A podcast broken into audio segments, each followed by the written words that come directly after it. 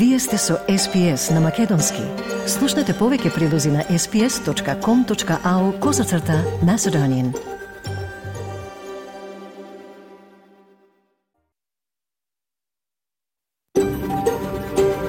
SBS, a world of difference. You're with SBS Macedonian on mobile, online, and on radio. Вие сте со SPS на Македонски, на мобилен, преку интернет и на радио.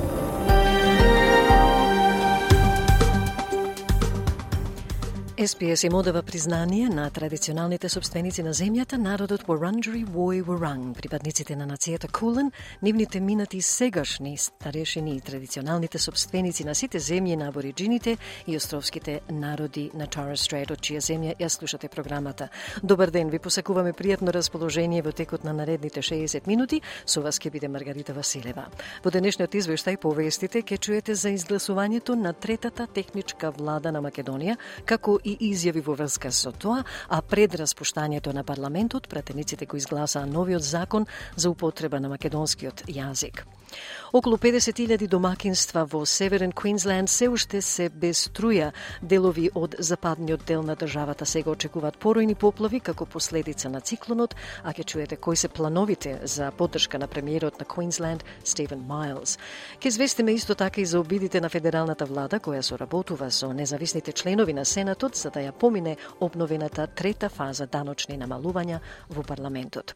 А кон крајот ќе го слушнеме продолжението на прилогот од минатата недела за студенти во Кина кои го изучуваат македонскиот јазик, благодарение на меморандум што неодамна беше подпишан меѓу универзитетите на Кирил и Методи во Скопје и Универзитетот за странски студии во Пекинг за меѓусебна соработка. Но најнапред да ги слушнеме главните вести на SBS со Радица Бојковска Димитровска. Радица повели. Благодарам, Марга. Добар ден и од мене. Во денешниот билтен, Јордан го осудува нападот со беспилотно беспилотно летало во кој загинаа три припадници на одбранбените сили на САД на незина територија. Палестинскиот премиер Мохамед Штаје ги повика земјите донатори да го вратат финансирањето на Палестинската агенција при Обединетите нации. Нов Јужен Велс експлицитно ќе го забрани нацистичкиот поздрав откако бели супремацисти организираа серија демонстранти во демонстрации во Сиднеј три последователни дена. Македонското собрание ја изгласа третата преодна или техничка влада на чие чело е Талат Джафери, прв премиер со албанско етничко потекло. И Јаник Синер го освои трофеот на Австралија Опен по истрпувачка победа на Даниел Медведев во пет сета. Слушајте не. Јордан го осуди нападот со беспилотни летала врз одбранбениот персонал на Соединетите држави на незина територија и рече дека соработува со САД за да ја обезбеди границата и да се бори против тероризмот. Председателот на САД Џо Бајден ги обвини милитантните групи подржани од Иран за нападот во кој загинаа тројца војници. Официјални представници на САД велат дека најмалку 34 лица, припадници на одбранбениот персонал, се проценуваат за можна трауматска повреда на мозокот. Лора Джеймс, аналитичарка во Оксфорд аналитика за Блискиот исток, вели дека инцидентот представува пресвртна точка во конфликтот во регионот. Таа вели дека аналитичарите се загрижени за таков инцидент со месеци, бидејќи воените жртви на САД се, како што рече, црвената линија. It's not necessarily um, a tipping point into uncontrolled escalation between the United States and Iran. But it's another very dangerous step because, as I say, the US will have to respond even more strongly than it's done to previous attacks. Um, that means possibly killing some very, very senior Iraqi militia leaders, possibly some senior Iranians. Uh, and that will present dilemmas for both um, Baghdad and Tehran to respond in turn. Палестинскиот премиер Мохамед Штајех апелираше да се продолжи помошта за Палестинската агенција при Обединетите нации, откако најмалку 9 земји донатори го прекинаа своето финансирање. Господин Штајех рече дека прекинот на финансирањето на агенцијата, која е главен снабдувач со храна, вода и за солниште за цивилите за време на војната меѓу Израел и Хамас, доаѓа во најтешките времиња за палестинците во Газа. Земјите, вклучително и Соединетите држави, најголемиот донатор на агенцијата, како и Австралија, веднаш го прекинаа финансирањето во текот на викендот за Обединетата агенција за помош и работа, откако десетина вработени беа обвинети од Израел за учество во нападите на Хамас на 7 октомври. Господин Штајх вели дека прекинот на финансирањето требало да почека додека наводите на Израел не бидат целосно истражени. We were extremely shocked that certain number of countries have decided to suspend its aid or their aid for the UNRWA.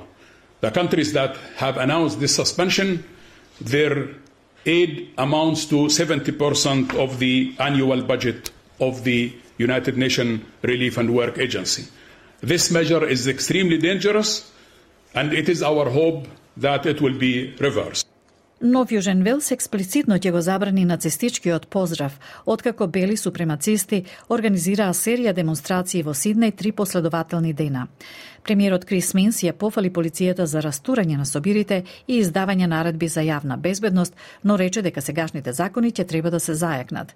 Иако нацистичката символика е забранета во Нов Јужен Велс, за разлика од Викторија, не постои закон кој експлицитно го забранува нацистичкиот поздрав.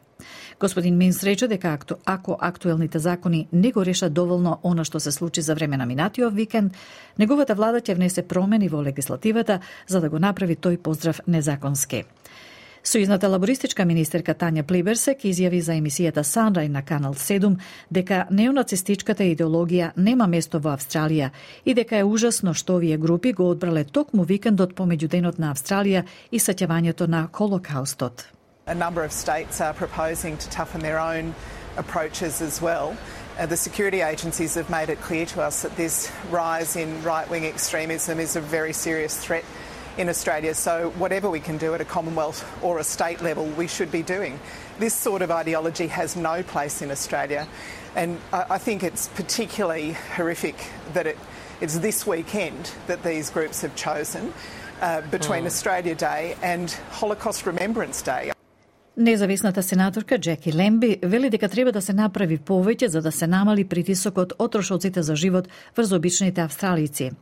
Таа ја поздрави владината најава дека Австралиската комисија за конкуренција и потрошувачи ќе спроведе едногодишна истрага во секторот супермаркети. Но господица Лемби изјави за Канал 9 дека треба да се направи повеќе за да им се помогне на луѓето кои страдаат на многу фронтови, вклучително и намалување на сумата што луѓето ја плаќаат за сметки за енергија. За супермаркетите рече дека се, цитат, како мафија со која што властите требало да се справат пред многу години, но дека никој немал храброст. I think governments really may, need to make some really big decisions, but um, certainly those power prices and the supermarket. I mean, the supermarkets are like mafias, mate. It's like mafia warfare out there. They should have been dealt with years ago. No one's had the courage, either major political party, to actually take them down and make sure that they're not price gouging, which they are by a long shot. Истрагата ќе има во фокус разликата помеѓу она што супермаркетите им го плаќаат на земјоделците за свежи производи и она што ти им го наплатуваат на потрошувачите, по тврдењата дека гигантите Булворц и Колс прекумерно ги изголемуваат цените. Македонија ја доби третата техничка влада со прв премиер со етничко албанско потекло. Собранието со 66 гласа за и тројца против ја изгласа оваа преодна влада предводена од Тала Джафери, чија основна задача е организирање фер и демократски парламентарни избори на пролет. На седницата присуствуваа 111 пратеници. Пратениците на ВМРО ДПМН, како што најавија предходно, него искористија правото на глас за техничката влада. Мандаторот Джафери порача дека ќе работи согласно со Уставот и дека владата што ќе ја предводи се обврзува на продолжување на усвоените политики на предходната влада на премиерот Димитар Ковачевски. Пратеникот од опозицијската ВМРО ДПМН Антонио Милошовски упати остри критики, велејќи дека цитат ниту еден од нив двајца нема искрени чувства кон Македонија. Поговорот на Милошовски, пратеничката група на ВМРО ДПМН ја напушти седницата за потоа да се врати во салата за процесот на гласање, но како што и најави не гласаше.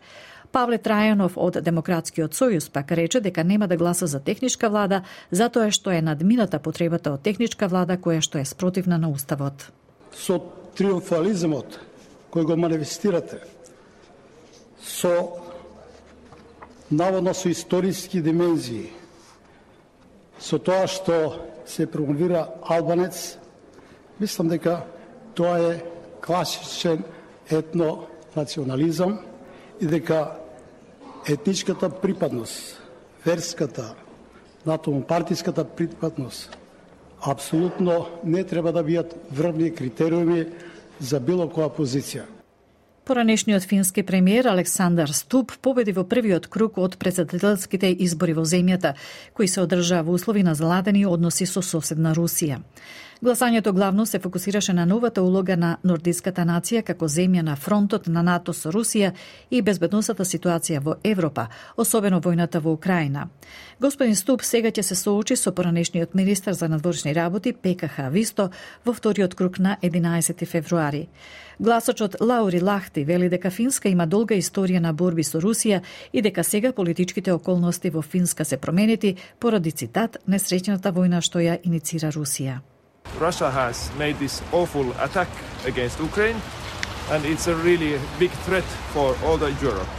And as you know, Finland has a long history of struggles with Russia, and uh, it's very important now to consider collaboratively how to uh, suppress this uh, threat which comes from this very unfortunate war, which was initiated by Russia.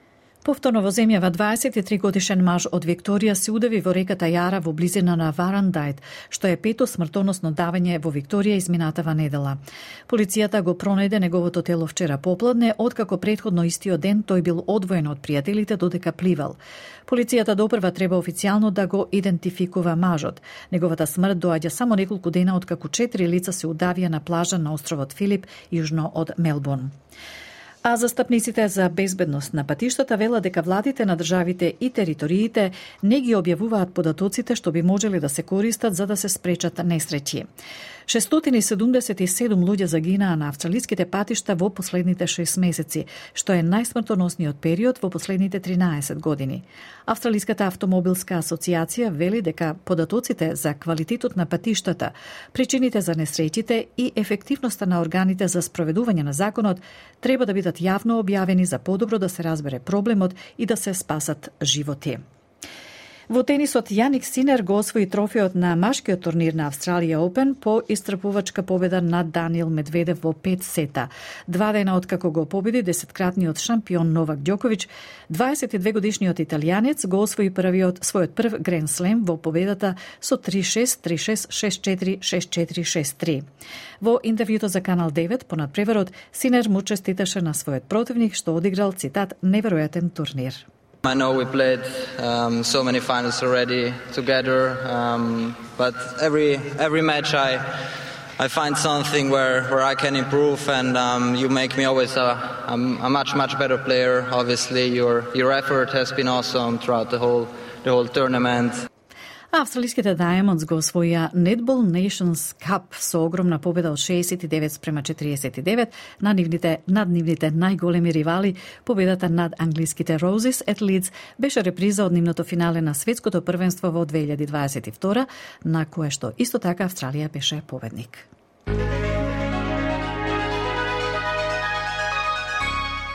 Од најновата курсна листа, денеска еден австралиски долар се менува за 0,6 евра, 0,65 американски долари и 36,97 македонски денари, додека еден американски долар се менува за 56,22 македонски денари, а едно евро за 61,01 македонски денар.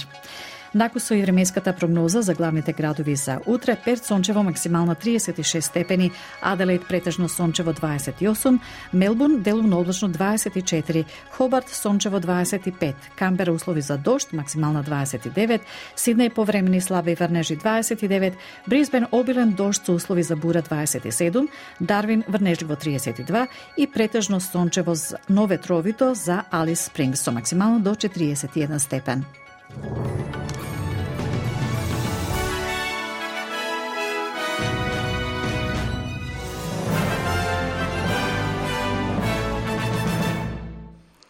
Благодарам, Радица.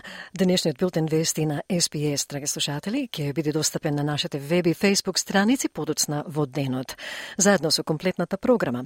Јас сум Маргарита Василева, а вие сте со SPS Одио на Македонски, каде во останатите 45 минути ќе слушнете вести од Македонија, актуелности од Австралија, а кон крајот и за изучувањето на македонскиот јазик во Кина. Останете со нас. Следува редовниот прилог од Македонија во кој ќе известиме за изгласувањето на третата техничка влада од страна на Собранието со 65 гласа за и 3 против. Потоа и за Европскиот сојуз за промени кој најавува дека ако не се избере седмиот член на Државната изборна комисија, ќе следуваат блокади на улици. На три дена пред распуштањето на парламентот, пратениците го изгласаа новиот закон за употреба на македонски јазик. И бугарска реакција на изјавата на Вучич во Скопје на прославата на одбележувањето на Свети Сава, Вучич се приклучи кон антиевропската унија, односно анти-ЕУ пропагандата за блокада на Македонија. Тоа се главните теми денеска во извештајот на нашиот соработник Милчо Јовановски за најновите настани во Македонија.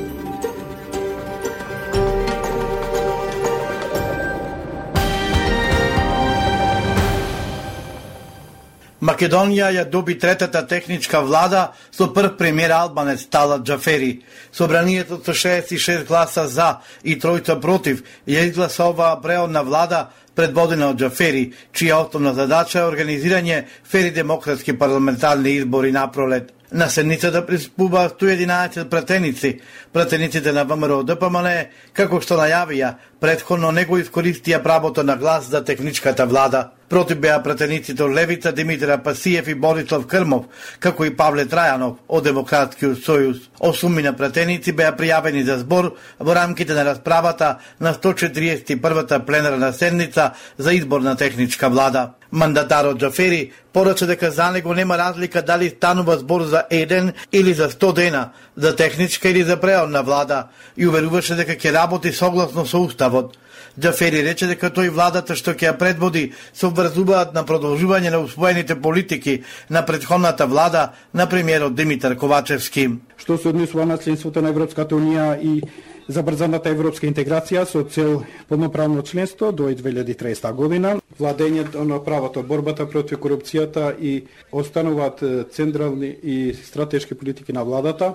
Мандатарот Джафери малку говореше на албански па на македонски. На седницата пратениците од ДУИ носеа беџови на кои на албански пишуваше речено сторено. Пратеникот од ВМРО ДПМЛ Антонио Милошовски рече дека Димитар Ковачевски е дезертер и дека ќе стане од потелјата за да седне Талат Джафери, за кого исто така вели дека е дезертер од Арама. Милошовски истакна дека ниту во еден од нив нема искрени чувства кон Македонија. Еден дезертер си даде оставка, друг дезертер ќе седне во премиерската фотелја.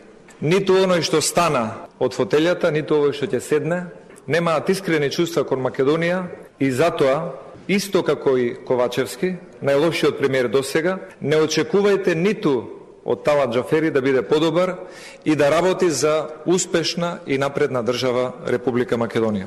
Почитувани симпатизери од СДСМ, партијата ДУИ нема толку пратеници, ниту број на гласови за да избере премиер. Но денес Ковачевски и Маричич ефтино ја продадоа куќата на СДСМ и за нивните фотели од вашата партија направија привезок на ДУИ. По говорот на Милошовски, пратеничката група на ВМРО ДПМН ја напушти седницата за потоа да се врати во салата за процесот на гласање, но како што и најави, не гласаше. При изборот на техничката влада, претеникот на СДСМ и портпарол Дарко Каевски од Собраниската говорница рече дека СДСМ ќе гласа за техничката влада и дека нема да дозволи ДПМН да фрли дамка на изборниот процес и двојната победа на Европскиот фронт. Ставајки го интересот на државата на прво место, пратениците на СДСМ, како прогресивна и проевропска партија, заедно со пратениците од мнозинството, ќе подржи техничката влада во Македонското собрание. Нема да дозволиме ВМРО ДПМН да фрли дамка на изборниот процес, а со тоа и на двојната победа на проевропскиот фронт на председателските и на парламентарните избори. Заедно со мнозинството претеници, заедно со граѓаните, нема да дозволиме деструктивни сценарија на опозицијата да успеат. Павле Трајанов, од Демократскиот сојуз рече дека нема да гласа за техничката влада, затоа што е надмината потребата од техничка влада, која е спротивна на уставот. Сакам посебно, бидејќи е тука господин Али Ахмети, да, нас, да нагласам дека со триумфализмот кој го манифестирате, со наводно со историски димензии, Со тоа што се промовира албанец, мислам дека тоа е класичен етнонационализам и дека етничката припадност, верската, натаму партиската припадност апсолутно не треба да бидат врвни критериуми за било која позиција. Против владата гласа и двајцата пратеници од Левица. За време на дебатата се јави и Димитар Апасиев и им порача каква е таа техничка влада за која се зборува ако извршува редовни обврски на политичка влада. Цитирам. Веќе за наредната недела имате да закажано сенници комисиски за административни службеници, вработени во јавен сектор, национални агенции, академии за суди, закон за трговски друштва, НБРМ, МАНУ, Нотаријат, Шуми. Што е ова? Нови државни институции во контекст на идните избори, праша Апасиев. Последен говореше лидерот на Дуи Али Ахмети, кој реплицирајќи им на критиките на Милошовски и на пратеникот Павле Трајанов од Демократскиот сојуз, рече дека во минатото бил изложен на тортура, а дека сега државата бележи напредок. Не е вистина. Ниту вие кираджи, ниту моите колеги на средина не се кираджи. Една работа е вистина. Охридскиот мировен договор му ја даде тапијата да биде господин во неговата куќа. Мировниот договор не го измени само карактерот на државата, не го измени само статусот на албанците во нивната држава. Добивка од овеја, од ова работа има турците, ромите, србите, власите, евангелиската црква, еврејската црква, сите победија со Охридскиот мировен договор – и овој договор нас не направи господари во нашата куќа. Нови министри во владата од ВМРО ДПМН е Панче Тошковски во МВР и Ѓоко Велковски во Трути социјала. Поред договорот меѓу СДСМ и ДУИ, вице-премиерот за европски прашања Бојан Маричич ќе биде и прв вице-премиер на местото на Артан Груби, кој ќе остане министер за политички систем. Изгласани се и дополнителните заменици министри. Од опозицијската ВМРО ДПМН дополнителен заменик министр за финансии Елена Петрова, за информатичко обштество и администрација Стефан Андоновски, а за земјоделство Цветан Трипуновски. ОСДСМ дополнителен заменик министр за внатрешни е Митко Бојмацелиев, шеп на кабинетот на досегашниот министр Оливер Пасовски. За дополнителен заменик министр во труд и социјала е избрана досегашната министерка Јована Тренчевска. Поименувањето на Хренар Лога од Алијанса за албанците за министер за правда се испразни едно место во Државната изборна комисија, кој треба да биде пополнето со представник од опозицијата. Ако не се избере седмиот член на Државната изборна комисија, ќе следуваат блокади на улици, најави Европскиот сојуз за промени, рече пратеникот Фадил Зендели. Бараме од председателот на Собранието, Јован Митарски, кој вчера при инаугурацијата изјави дека ќе работи во интерес на сите граѓани, итно Комисијата за прашање на изборите и именувањата да свика и да одржи седница за член на ДИК пред собранието, да продолжи и да го предложи кандидатот од албанската опозиција господин Абдуждемир. Со овој чин, новиот председател на собранието ќе докаже дека работи во интерес на сите граѓани Пратениците во Македонското собрание во петокот го усвоија законот за употреба на македонскиот јазик. Со новиот закон се прошируваат областите во кои задолжително се употребуваат македонскиот јазик и неговото кирилско писмо. Законот предвидува задолжително лекторирање на сите материјали, но и обврска за задолжително вработување на лектори по македонски јазик во сите јавни институции и органи на владата се зајакнува инспекцијскиот надзор, се основа инспекторатот за примена на македонскиот стандарден јазик. Македонскиот јазик е признат во Обединетите нации, а со подпишувањето на договорот со Фронтекс, тој стана дел од јазиците кои официјално се користат во Европската Унија.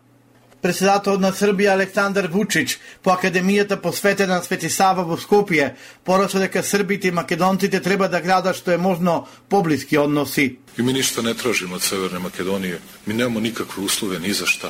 Ништо не очекуваме. Ние ништо не бараме од вас и немаме никакви услови за било што. Ништо не очекуваме единствено што би сакале е да имаме подобри и поблиски односи. Ние не ви бараме никакви промени на уставот. Тоа е ваша внатрешна работа изјави Вучич.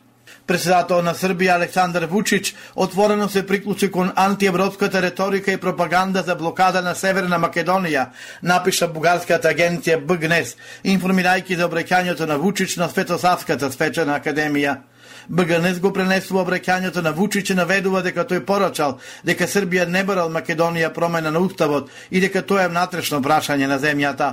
Агенцијата потоа нагласува и подсетува дека без промена на уставот земјава не може да ги продолжи преговорите со ЕУ и дека тоа е влезено и во преговарачката рамка.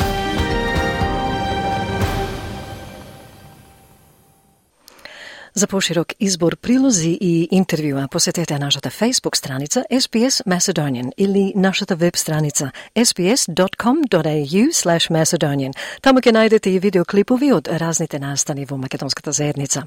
Со вас е Маргарита Василева, ги слушнавте најновите вести од Австралија и светот, како и најновото од Македонија со Милчо Јовановски. Сега преминуваме на актуелности од Австралија, после кој и на разговор за изучувањето на македонскиот јазик во Кина. Останете со нас. Премиерот на Квинсленд Стивен Майлз ја обиколи областа на Таунсвил додека чистењето продолжува по циклонот Кирли. Околу 50.000 домакинства во Северен Квинсленд се уште се без струја и делови од западниот дел на државата сега очекуваат поројни поплави како последица на циклонот. Повеќе од прилогот на Кјара Хейн за SBS News. Вашата заедница, вашите разговори. SBS на Македонски. Предградието Келсо во градот Таунсвил во Северен Квинсленд го преживеа окото на бурата од како циклонот Кирили ја зафати областа. Жителите како неки стори сега треба да го преживеат закрепнувањето без струја и во силни тропски горештини. Таа вели беше прилично жешко поради што не можеле да ја вклучат климатизацијата, меѓутоа за среќа имаат генератор, така што располагаат со вентилатори и фрижидер. Господјата Стори вели ги подготвиле децата дека може ќе земе до 7 дена за кои услови семејството е подготвено во зависност од тоа што се случува низ градот. It's been rather hot without obviously being able to have the air conditioning on. Um, we're lucky enough to have a generator so we've got fans and fridges going, but we've kind of prepared our kids that it could be up to seven seven days. Um, there's been a few. A lot of people are talking about when they think it's going to be, but um, you know we're hoping it'll be sooner rather than later. But we are prepared for it to take up to seven days, depending on what they're doing around the towns. Жителите расчистуваат откако силните ветрови го погодија регионот заедно со вкупните врнежи меѓу 100 и 150 милиметри, но евидентирана е минимална материјална штета. Но областите без струја се исто така оние кои се соочуваат со најголемите расчистувања. На врвот на преминот на циклонот, околу 66.000 корисници доживеаја прекин на електричната енергија. Над 10.000 домови сега имаат струја, но уште околу 29.000 остануваат без енергија. Луѓето, како жителот Павет Саини, се уште не знаат колку долго ќе остане така. Тој јавува дека минатата ноќ не можеле да спијат, а децата плачеа, па во 3.30 часот утрото отидоа во самопослуга каде има струја. We couldn't sleep last night and kids were crying, so we left uh, 3.30 to our grocery store. We had power there, so we stayed there till this morning and we just got back to check on if we got the power back or not. Дополнителни 600 енергетски работници се испратени во Чансвил, а нивниот прв приоритет е обновувањето на критичната инфраструктура со семафори, мобилни мрежи и пумпни станици за вода, сите офлайн. Премиерот Стивен Майлз вели дека енергетските работници прават се што можат за да ја вратат струјата онлайн. Тој вели дека работниците на Ergon се целосно фокусирани на враќање на струјата за критичната вода, отпадна вода, како и телекомуникацијската инфраструктура. Тој вели ќе продолжат со ажорирањата во текот на денот и додека има бројни скршени делови, нема паднати столбови за струја, што е добар индикатор дека нема да има големо забавување со враќањето на енергетската инфраструктура во нормала. Изјави премиерот Майлс. The Ergon workers are absolutely focused on getting the power back on for uh, that critical water, wastewater, as well as telecommunications infrastructure. Uh, that's their first priority. And so we'll keep providing updates uh, throughout the day, but they are uh, quite confident, particularly given that there's no power lines down. There's some uh, there's some broken arms. There's lots of uh, lots of lines down, but no uh, power poles down. So that's uh, really what would delay them. Во меѓувреме, децата од Таунсвил смислуваат креативни начини да го поминат времето, бавејќи се со продажба на овошје и зеленчук. What are you selling? Uh, so we're selling apples, apples, apples are two dollars, limes are two dollars, coconut, chips are two dollars, and chips, and chips. coconuts are three dollars. Се уште има многу денови за чистење, но што се однесува до времето, Таунсвил сега е ослободен од закана. Меѓутоа, во внатрешноста приказната е сосема поинаква. Предупредувањата за тешки временски услови и поплави се уште се активни, бидејќи екстропскиот циклон Кирли продолжува да минува низ државата. Мириам Брадбери од Бирото за метеорологија вели дека некои патишта би можеле да станат непроодни поради надојдените води. Вкупните врнежи може да достигнат од 70 до 110 мм во период од 6 часа и тоа е прилично краток период за да се видат доста дождови кои можат да доведат до поројни поплави, како и предизвикување други проблеми, вели Брадбери. Службите за итни случаи ја пофалија подготвеноста на заедницата поради што немало загуби на животи за време или по временскиот настан, но луѓето се уште се повикани да останат внимателни и будни. Во Charters Towers, 14 лица, вклучувајќи 4 деца, останале заробени во надојдените води кога решија да возат и да ја испитаат штетата. Сите се префрлени со хеликоптер на безбедно без повреди. Надзорникот Крис Лосен од Државната полициска служба вели многу е важно членовите на заедницата се држат настрана од поплавите и да не се изложуваат себе си на ризик, бидејќи тоа потоа ги става на ризик луѓето кои треба да ги спасат. Тој вели ги охрабрува луѓето да се држат што подалеку од надојдените води и се погрижат за собствената безбедност. We're seeing significant uh, amounts of rainfall occur across our region at the moment and we don't want people to be be putting themselves at risk because that then puts the people that have to save them at risk. I encourage people to stay away from the floodwaters and ensure their own safety. Државните и федералните влади потврдија дека најтешко погодените луѓе наскоро ќе имаат пристап до лична помош за тешкоти. Жителите на Таунсвил и Беркен ќе можат да пристапат до исплати за помош во вредност од 180 долари по лице или до 900 долари за пет члено семејство. Тоа беше заедничкиот прилог на Клодија Фахарт и Кјара Хейн за SBS News.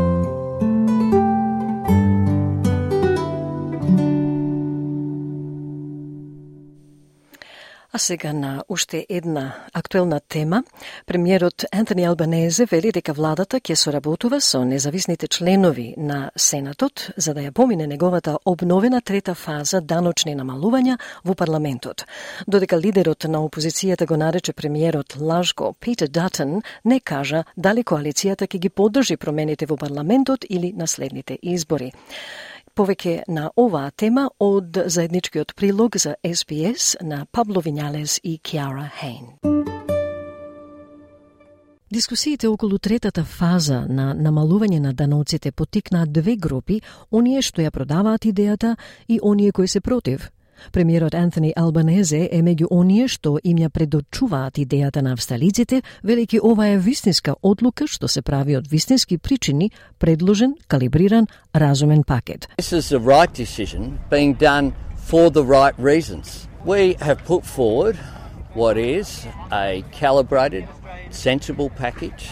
Uh, it has uh, the same costs across the forward estimates, uh, but it is a better package being put forward. Од 1 јули даночните намалувања за оние кои остваруваат повисоки приходи ќе бидат намалени за половина и остатокот ќе биде прераспределен на работниците кои заработуваат под 150.000 долари. Еден просечен приход ќе добие намалување на данокот од 800 долари според новиот план. Тоа исто така ќе и даде на владата 28 милиарди долари повеќе приход во следната деценија. Министерката за финанси Кейти Галега му се придружи на премиерот во пофалба на планот за кој таа вели се справува со така наречениот bracket creep, зголемената даночна обврска што произлегува од порастот на приходите. Таа вели сакаат луѓето да работат повеќе и да заработуваат повеќе и дека овој план го прави тоа. Важно е да се подлече, вели Министерката за финансии дека од 1 јули 11,5 милиони австралици ќе добијат поголемо намалување на даноците. We've again thought about this carefully. Our plan actually deals with bracket creep. It particularly does it right throughout the income scale. So we have a very broad view of aspiration. We want people to work more and earn more, and this plan does that. But importantly, from the 1st of July, it gives people more money in their pockets. You know, 11.5 million Australians will get a bigger tax cut, and that's what's been motivating us. It's about cost of living and people before politics. Оние од спротивната страна на дискусијата веруваат дека федералната влада ги излажала австралиците, бидејќи првичниот план ветуваше поголемо намалување на даноците за оние кои заработуваат повисоки приходи. Заменик лидерот на опозицијата Сузан Ли ја критикуваше промената на политиката, велики дека ова мора да се поништи со законодавство, бидејќи политиката е веќе озаконета. This has to be undone with legislation. This is already legislated, and that's a key difference between some of the things that people have been comparing this with. It's really important to understand that. And the other thing is, if, if you're struggling today, there's nothing in this announcement that's going to help you today. Prices are going up. There's no economic economic plan to tackle the fact that all around us prices are going up, your mortgage is going up, your groceries are going up. It's so tough to meet that rising cost of living right now. Лидерот на опозицијата Питер Датон ја повтори таа порака, додавајќи дека очекува премиерот да ја изгуби довербата на јавноста, нарекувајќи ја мерката предавство. Тој додаде дека повеќето австралици не сакаат премиер кој ќе ги погледне во очи да им каже едно, а потоа да го направи сосема спротивното. Just a major break of trust, it's a betrayal, uh, and the Prime Minister promised this on over 100 occasions. This is not just some throwaway comment that he made at a press conference. This is a, you know, my, my word is my bond and uh, continue to repeat it. I just think most Australians don't want a Prime Minister who looks them in the eye, tells them one thing and then does completely the opposite. Господинот Датен дури повика на предвремени избори, но господинот Албанезе вели дека тоа би било невозможно поради што најраниот избор е август 2024 година, а даночните намалувања ќе стапат на сила на 1 јули. Господинот Албанезе изјави дека Пит Датен секогаш се служи со политика, додека во случајов станува збор за луѓе, а не за политика, вели премиерот Албанезе. Well, the early selection is August 2024. So, you work it out. Uh, the tax cuts uh, will take place on July 1. Peter Dutton, Peter Dutton will always go for the politics. This is about people, not politics. И покрај лутината, Питер Датн не кажува дали коалицијата ќе го поддржи законодавството.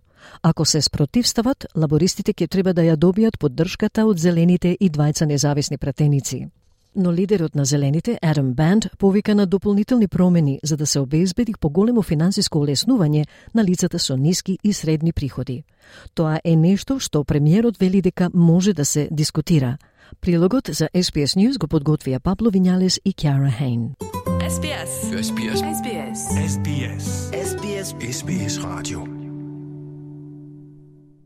Вие сте со SPS Одио на Македонски, со вас е Маргарита Василева. Во следниот прилог ќе слушнеме за студенти во Кина кои го изучуваат македонскиот јазик, благодарение на меморандум што неодамна беше подпишан меѓу Универзитетот Кирили Методи во Скопје и Универзитетот за странски студии во Пекинг за меѓусебна соработка и размена на академски искуства, културни програми и студенти.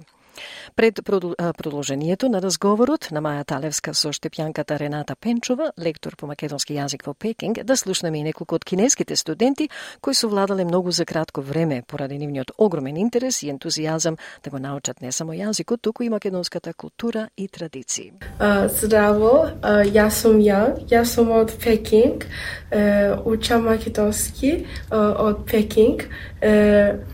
Сакам, сакам да учам македонски јазик, бидејќи сакам да ја истражувам македонската култура. Здраво, јас викам Сиси и имам 19 години и јас шувам во Пекинг. Јас сум студентка во Рми университет.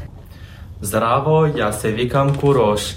Јас сум од Кина и живеам во Бејджинг. Јас сум студент на Бејвај.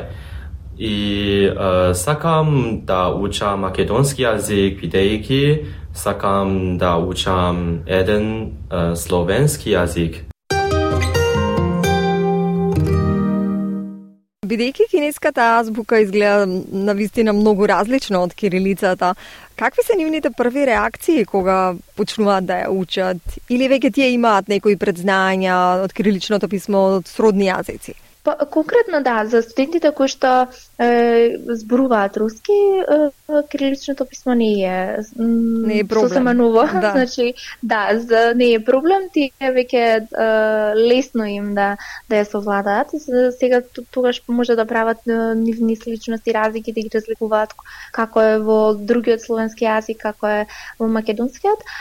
Но и секако со студентите кои што започнавме сосема од почеток, а, не ми беше интересно затоа што овде ги баравме конекциите и како ќе ќе биде најлесниот начин да се поврзе нели кириличното писмо со некои нивни асоциации овде за да може да ги совршат. А, а можам да кажам дека не е некој многу макотрпен процес затоа што навистина со работа и труд одеше доста брзо и доста ефективно од страна на студентите. Така, од она што можевме да го чуеме, тие веќе има знаат како да се представат на македонски и некои имаат на вистина солиден изговор. Да, морам да исто јас да ги а, пофалам и и особено некои од студентите кои што а, веќе изборуваат повеќе јазици, значи имаме и дури полиглоти, а така што за нив а, ова и беше едно дополнително усовршување и секако ја има таа желба да го сознаваат и а, изучуваат тој простор, така што нивната следна желба е исто така да бидат дел можеби на некоја школите, летната школа која што се одржува во Охрид во Македонија, можеби и тие самите сака да ја посетат, така што мислам ова е еден о, добар чекор како да се развие и разбуди таа любопитност за осознавањето на другите култури и народи, така што се надевам дека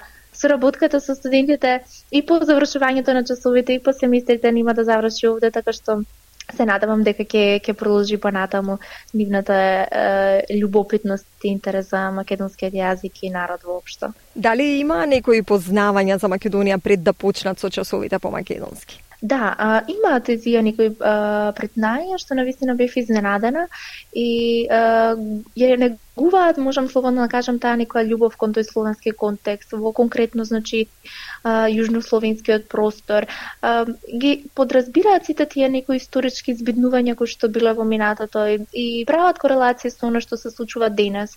И навистина бев изненадена затоа што иако тоа е еден може можеби далечен простор за нив и ние многу близок до азиското тло и до нивната култура, а, но тие се доста любопитни да истражуваат и да ги осознаваат нештата кои што се далеко од нив.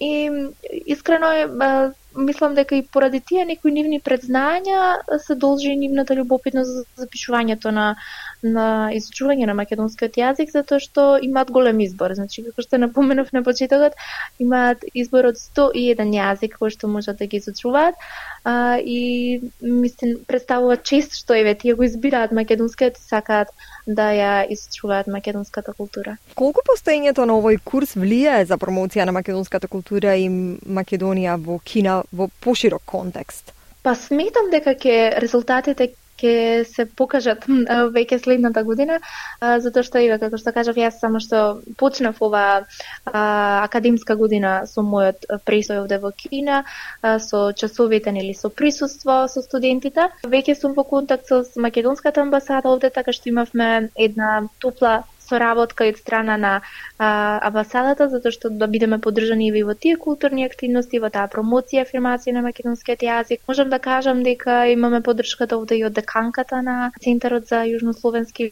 и европски јазици, односно КАДЖИ, кој што јас веќе бев на состанок со низи и разговаравме за конкретни можности како можеме тоа да го промовираме и да е секако да да вклучиме овде и македонската заедница која што не е многу бројна во Пекинг, но мислам дека е навистина добре додена да се запознаат студентите и многу од поблиску каков е всушност стилот и начинот на живот на македонците во Македонија, македонците во Пекинг, во Кина. Секако се надевам дека тоа ќе влија и за голем напредок не само во овие културолошки врски, но секако и во иднина за самиот развој и напредок на државата воопшто. Дали вие имате некои познавања на кинескиот јазик или дали може би се заинтересиравте сега да почнете да го изучувате? А, да, јас се за уште пред моето доаѓање имав часови во Институтот Конфуци во, во Скопје.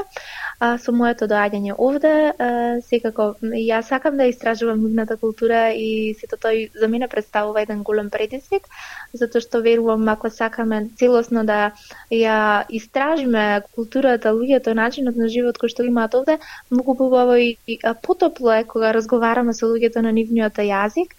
А, и секако, овде имам подршка исто од универзитетот, конкретно за сите нас странски лектори кои што сме овде, така што се надевам да, да навлезам јас подлабоко во изучувањето на нивната култура и а, начин на живот воопшто овде во Пекинг. Така, како ви се чини кинескиот јазик до сега?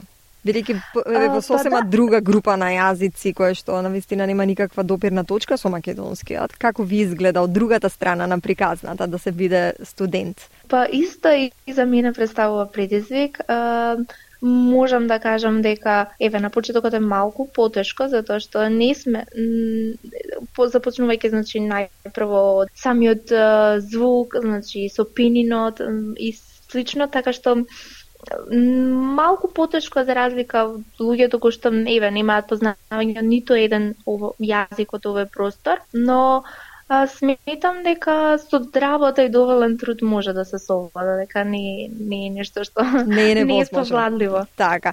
така. Вие сте лектор по македонски јазик, претпоставувам дипломиравте на катедрата по македонски јазик на Универзитетот Кирил и Методи.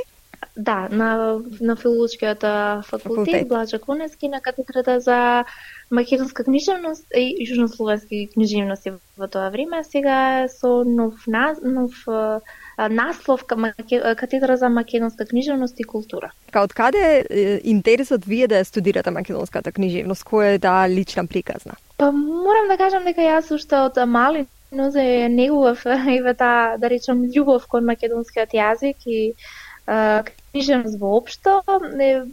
Имам издадено исто неколку а, стихозбирки, пишував, така што минатата година е, една од последните стихозбирки беше наградена со наградата Бели Мугри а, во, од Домот на културата Кочарацин.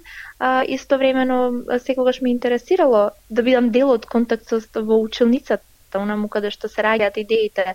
А, и смитам дека дека ја имам еве на некој начин таа предпозиција и карактеристики да го пренесувам знаењето, да да бидам во контакт со студентите и можам да кажам дека тоа беше и можеби пресудниот момент зашто се одлучив да да продолжам и да се посветам на македонистиката во еднина и воопшто на македонскиот јазик и литература. Рената, многу ви благодарам за овој разговор. Продолжете со вашата работа и успесите и се надевам ќе имаме можност да разговараме повторно во некоја една прилика. Се надевам исто и јас ви благодарам многу. Ја слушавте Рената Пенчева, лектор по македонски јазик во Пекинг за меѓусебната соработка меѓу универзитетите за странски јазик, односно странски студии во Пекинг и Кирили методи во Скопје. И денешните содржини на македонски на SBS Audio, драги слушатели, ќе бидат достапни подоцна во денот на нашите веб и Facebook страници, а за прашања или коментари во врска со програмата оставете порака на Facebook страницата. За крај да се подсетиме на главните вести на SBS. Јордан го осудува нападот со беспилотно летало во кој загинаа три припадници на одбранбените сили на САД на нејзина територија. Палестинскиот премиер Мохамед Штаех ги повика земјите донатори да го вратат финансирањето на Палестинската агенција при Обединетите нации. Нов Јужен Велс експлицитно ќе го забрани нацистичкиот поздрав, откако бели супремацисти организираа серија демонстрации во Сиднеј три последователни дена. Македонското собрание ја изгласа третата техничка влада, на чие чело е прв премиер со албанско етничко потекло. Јаник Синер го освои трофејот на Australian Open по исцрпувачката победа на Даниил Медведев во пет сета и австралиските Diamonds го освоја Netball Nations Cup со огромна победа од 69 49 спрема 49 над нивните најголеми ривали, англиските Roses во Лидс.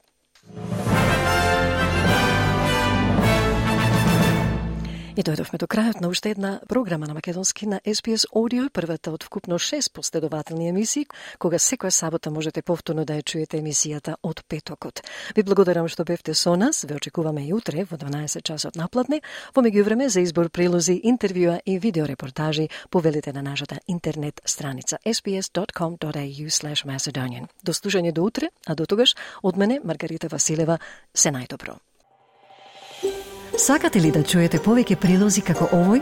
Слушате подкаст преку Apple Podcasts, Google Podcasts, Spotify или од каде и да ги добивате вашите подкасти.